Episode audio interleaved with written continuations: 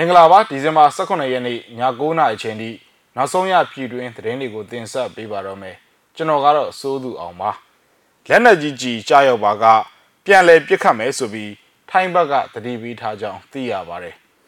လေးကိကောစစ်ဘေးရှောင်တွေကိုအကူအညီပေးဖို့ထိုင်းအစိုးရကို UNG ကအစောတလင်မြစ်တာရက်ခံထားပါတယ်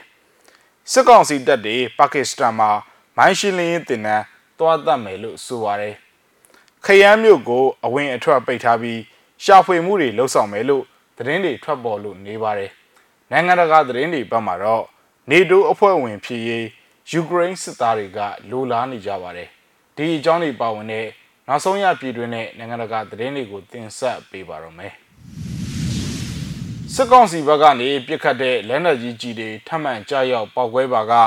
ပြန်လည်ပြစ်ခတ်မယ်လို့ထိုင်းနိုင်ငံဘက်ကသတိပေးထားကြောင်းကရင်အမျိုးသားအစည်းအရုံး KNU သတင်းရင်းမြစ်တစ်ခုထံကသိရပါတယ်။ဒီဇင်ဘာ16ရက်နဲ့18ရက်နေ့တို့မှာစစ်ကောင်စီဘက်ကပြစ်ခတ်တဲ့လက်နက်ကြီးကြီးစံတွေထိုင်းဘက်အချမ်းကိုကြားရောက်ခဲ့တဲ့နောက်အခုလိုတတိပေးလာတာလို့ KNU တာဝန်ရှိသူကပြောပါတယ်။ဒီထက်များလာမယ်ဆိုရင်သူတို့ပြန်ပြစ်မယ်ပြောတယ်။ဘာလို့ဆိုဟိုဘကန်းကိုလက်နက်ကြီးတွေတအားကြတယ်လို့ပြောတယ်။ကျွန်တော်တို့စစ်ရှောင်တွေလည်းထွက်ပြေးနေရတာရှိတာကိုလို့သူကဆိုပါတယ်။ထိုင်းလူမျိုးတွေရဲ့ အသက်အိုးအိမ်စီးစိမ်လုံခြုံမှုကို ထိခိုက်လာခြင်းရှိပါက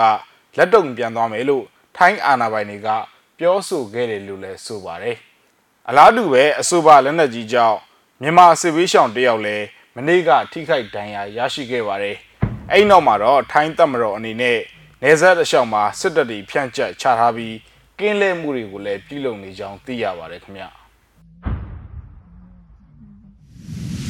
ကရင်ပြည်နယ်အတွင်းစစ်ကောင်စီတပ်နဲ့ KNL တို့အကြားတိုက်ပွဲတွေဖြစ်ပွားခဲ့ပြီးတဲ့နောက်နေဆက်ဖြတ်ကျော်ထွက်ပြေးလာကြသူတွေကိုဒုက္ခသည်အဖြစ်ခိုလုံခွင့်ပေးရေးထိုင်းအစိုးရကို အမျိုးသားညီညွတ်ရေးအစိုးရ UNG ကအစောတလိန်မြစ်တာရက်ခံထားကြောင်းဒီဇင်ဘာ16ရက်နေ့ကထုတ်ပြန်ခဲ့ပါတယ်။ KNU KNL တပ်မဟာ6ထိန်းချုပ်မှုအောက်ကအရက်သားတွေနေထိုင်ရာလေးကီကော်ကျွာတဲ့ စစ်တပ်ကဒီဇင်ဘာ14ရက်မှာဝင်ရောက်ပြီးလူပေါင်း30ကနေ60ကြားကိုဖမ်းဆီးရာကဒီဇင်ဘာ15ရက်နေ့မနက်ပိုင်းမှာစစ်တပ်နဲ့ KNL တို့အကြားလက်နက်ကင်တိုက်ပွဲတွေဖြစ်ပွားခဲ့တာပါအဲ့ဒီတိုက်ပွဲကနေထိုင်းနိုင်ငံဘက်ကိုစစ်ပေးရှောင်ထွက်ပြေးလာသူတွေကိုလူသားချင်းစာနာထောက်ထားရေးအကူအညီနဲ့အရေးပေါ်တုံ့ပြန်မှုတွေဆောင်ရွက်ပေးဖို့နိုင်ငံတကာအတိုင်းအဝန်းကိုလည်းအန်ယူဂျီကမြစ်တာရက်ခံထားပါတယ်။ဒါအပြင်မှာနိုင်ငံတကာအတိုင်းအဝန်းအနေနဲ့ အကြမ်းဖက်မှုတွေရောကြရေးအတွက်ခက်ခိုင်မာမာအရေးဆိုဖို့မိမိတို့အနေနဲ့တိုက်တွန်းကြောင်းကိုလည်း UNG ရဲ့ထုတ်ပြန်ချက်မှာဖော်ပြထားပါတယ်။လေးကိကော်မြို့နယ်ကပြည်သူတွေရဲ့လိုအပ်ချက်တွေကိုတုံ့ပြန်နိုင်ရေးအတွက်ထိုင်းဘရင်တိုင်းပြည်နဲ့နိုင်ငံတကာအတိုင်းအဝန်တို့ကိုပူးပေါင်းဆောင်ရွက်ရေးအတွက် UNG အနေနဲ့အသင့်ရှိနေတယ်လို့လည်းထုတ်ပြန်ချက်မှာဖော်ပြထားပါတယ်။လက်ရှိတိုက်ပွဲတွေဟာလည်းကရင်တိုင်းသားတွေနဲ့တခြားသောတိုင်းသားတွေက စစ်ကောင်စီရဲ့အုပ်ချုပ်မှုကိုညှင်းပယ်ကြောင်းညွှန်ပြနေတဲ့ပြရုပ်ပင်ဖြစ်တယ်လို့ရင်းထုတ်ပြန်ချက်ကဆိုထားပါတယ်။အာနာသိမ့်မိချိန်ကစလို့စစ်ကောင်စီတပ်ဟာနိုင်ငံတကာလူအခွင့်အရေးနဲ့လူသားချင်းစာနာထောက်ထားရေးဥပဒေတွေကိုချိုးဖောက်လျက်ရှိကြောင်း UNG ကပြောပါတယ်။အခုလထဲမှာပဲရန်ကုန်မှာစန္ဒပြလူအုပ်ကိုစစ်တပ်သုံးထရပ်ကားနဲ့ဝင်တိုက်တာနဲ့စကိုင်းတိုင်းဒေသကြီးကအရက်သား၁၇ယောက်ကိုမိရှို့တပ်ဖြတ်တာတွေကျူးလွန်ခဲ့တယ်လို့ UNG ကဖော်ပြထားပါတယ်ခင်ဗျဆက်လက်ပြီးတော့တိုက်ပွဲတွေဖြစ်လို့မြို့သူမြို့သားတွေစွန့်ခွာသွားခဲ့ရတဲ့ကရင်ပြည်နယ်မြောက်ရီမြို့နယ်တွင်းမှာရှိတဲ့လေးကိကော်မြို့သစ်ရဲ့အနေအထားကိုဒီဇင်ဘာ18ရက်မှာမြစည်းမသတင်းတောက်ကရိုက်ကူးထားပါတယ်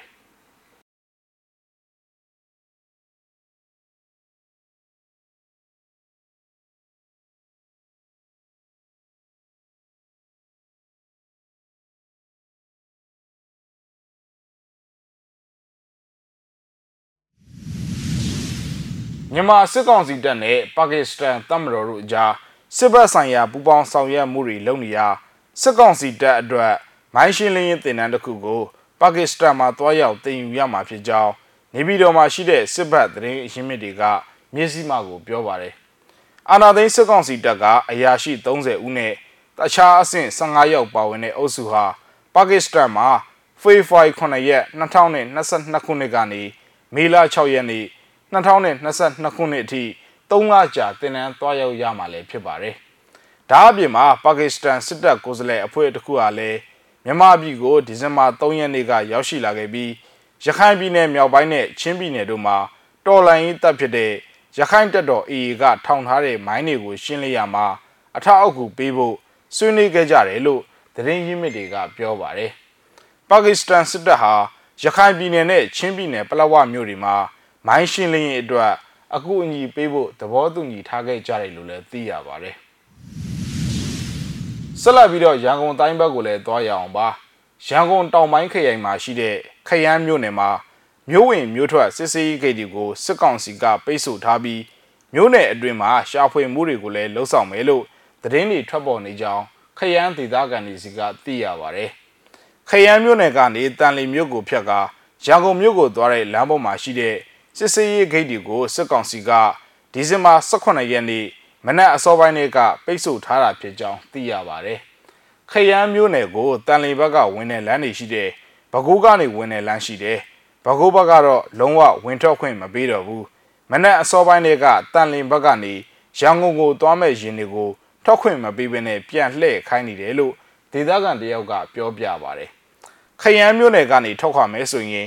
ရုံးကိစ္စနဲ့ စေကုသခြင်းတွေအတွက်ပဲစစ်ကောင်စီတပ်ဖွဲ့ဝင်တွေကတောလာခွင့်ပေးထားကြောင်းခရမ်းရန်ကုန်ပြည်ဆွဲတဲ့တက်စီရှင်ငယ်ဒီမှာလည်းထောက်ခေါခွင့်မရဘဲအခက်အခဲတွေဖြစ်ပေါ်နေတယ်လို့ဆိုပါတယ်ခရမ်းမာကတရင်မှုရောက်နေတယ်လို့လည်းကြားတယ်စိတ်အင်အားဖြည့်သိမ်းမှုတွေကလည်းရှိနေတယ်ဆိုပြီးပြောနေကြတယ်မနက်ပိုင်းကလည်းအိမ်တိန်ကိုဝင်ရှာသွားတယ်လို့နောက်ထပ်ဒေသခံတယောက်ကလည်းပြောပြပါတယ်ခရမ်းဒေသသွင်းမီဒီယာဖြစ်တဲ့ခရမ်း channel ကလည်း ခရမ်းမြို့အဝင်အထွက်ကို၃ရက်တိတိပိတ်ဆို့ထားမှာဖြစ်ပြီးအကြမ်းဖက်စစ်ကောင်စီကခရမ်းမြို့ကိုစစ်အင်အားထပ်မံဖြည့်တင်းဆောင်ရွက်ထားကြောင်းသိရတဲ့အတွက်မြို့တွင်းနေပြည်သူတွေအနေနဲ့အရေးကြီးကိစ္စမရှိပါကအပြင်းမထွက်ဖို့ကိုလည်းသတိပေးထားပါတယ်ခင်ဗျဆက်လက်ပြီးတော့နိုင်ငံတကာသတင်းတွေဘက်ကိုလည်းသွားရအောင်ပါယူကရိန်းနိုင်ငံအပေါ်ရုရှားကတိုက်ခိုက်လာမှာကိုအနောက်အုပ်စုကဟန်သားနိုင်ဖို့ စ조사နေရချိန်မှာပဲယူကရိန်းအရှေ့ပိုင်းကရှေ့တန်းမှာရုရှားလူလာတဲ့တပုံတွေနဲ့တိုက်ခိုက်နေရတဲ့ယူကရိန်းစစ်သားတွေကနေတိုးအဖွဲ့ဝင်ဖြစ်မှာပဲရုရှားရန်ကနေယူကရိန်းကိုကာကွယ်ပေးနိုင်မှာဖြစ်တယ်လို့ပြောနေကြပါတယ်ခွဲထွက်ရေးသမားတွေရဲ့အမာခံဖြစ်တဲ့ Dumnas မြို့အပြင်ဘက်ဆွဆွရွရွပျက်စီးနေတဲ့ပီစကီကျေးရွာမှာတပ်ဆွဲနေရင်ရေကမ်းမတ်အပူချင်းအောက်မှာယူကရိန်းစစ်သားတွေဟာ ကတုတ်ကျင်းတွေထဲမှာကင်းလည်နေရပါတယ်။သူတို့ရဲ့အနောက်ဘက်မှာတော့ရှစ်နှစ်နီးပါးကြာစစ်ပွဲကြောင့်ပျက်စီးခဲ့ရတဲ့လူနေအိမ်တွေကိုမြင်တွေ့ရသလိုကားကိုတောင်တွေထဲမှာဆိုဗီယက်ခေတ်ကားတွေကိုစွန့်ပစ်ထားရတာကိုလည်းမြင်တွေ့ရပါတယ်။ယူကရိန်းနယ်စပ်နားမှာတပ်အင်အားတသိန်းနီးပါးချထားတဲ့ရုရှားနိုင်ငံကအကြီးစားတိုက်ခိုက်မှုကြီးဆင်နွှဲလာမဲဆိုပြီးမကြသေးခင်ကသတင်းပတ်တွေမှာစိုးရိမ်ပူပန်မှုတွေမြင့်တက်နေခဲ့တာပါ ထိုးစစ်တရက်ကိုဆင်နွှဲခဲ့မယ်ဆိုရင်တော့မကြုံဘူးလောက်အောင်ဒဏ်ခတ်ပိတ်ဆို့မှုတွေရင်ဆိုင်ရမယ်လို့အမေရိကန်နဲ့မဟာမိတ်တွေကရုရှားကိုတတိပေးထားပါတယ်ဒါပေမဲ့ယူကရိန်းစစ်သားတွေကတော့ဒဏ်ခတ်ပိတ်ဆို့မှုကအရာရောက်မှာမဟုတ်ပဲယူကရိန်းနိုင်ငံနေတိုးအဖွဲ့ဝင်ဖြစ်မှာပဲအခုအင်ဂျီဖြစ်လိမ့်မယ်လို့ပြောဆိုကြပါတယ်။ဆိုဗီယက်စစ်တပ်မှလူငယ်ဘွားတွေကအမှုထမ်းခဲ့တဲ့အသက်56နှစ်အရွယ်ရှိဗစ်တာဟာတချိန်ကတော့ နေတိုးကိုရန်သူလို့ရှုမြင်ခဲ့ပါတယ်။ဒါပေမဲ့လက်ရှိမှာတော့ဆိုဗီယက်ယူနီယံကိုပြန်လည်တံပြန်နိုင်ဖို့ယူကရိန်းကအနောက်မဟာမိတ်တွေနဲ့ပူးပေါင်းသင့်တယ်ဆိုတဲ့အပေါ်တန်တရားစိုးစင်းမြမရှိတော့ပါဘူး။တကယ်လို့ကျွန်တော်တို့ကိုရုရှားကတိုက်ခိုက်လာရင်ကျွန်တော်တို့ဘာသာရင်ဆိုင်ဖြည့်ရှင်းဖို့ဆိုတာအတော်လေးကိုအခက်သွင်းမှာဖြစ်ပါတယ်လို့ဗစ်တာကပြောပါတယ်။နေတိုးအုပ်စုဟာ ရုရှားနဲ့ပြည်ပခပုံမဆိုးရွားမှာကိုမလိုလားတာကြောင့်ယူကရိန်းအရေးမှာမပါဝင်ပဲရှိနေတယ်လို့သူကဆိုပါတယ်။ဆိုဗီယက်ဟောင်းတောင်ပိုင်းအိန္ဒိချင်းယူကရိန်းအနေနဲ့နေတိုးစစ်အုပ်စုတဲဝင်ရောက်တာဟာ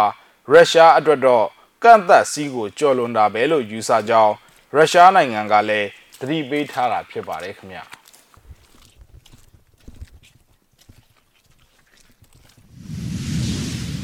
မြစည်းမရဲ့သတင်းစီစဉ်ကိုဒီမှာခဏရနာကြပါတယ်ကြည့်ရှုခဲ့တဲ့မိဘပြည်သူတူးချင်းစီကိုကျေးဇူးအထူးပဲတင်ရှိပါတယ်ကျွန်တော်တို့သတင်းနဲ့အတူတူပြန်ဆောင်ကြပါမယ်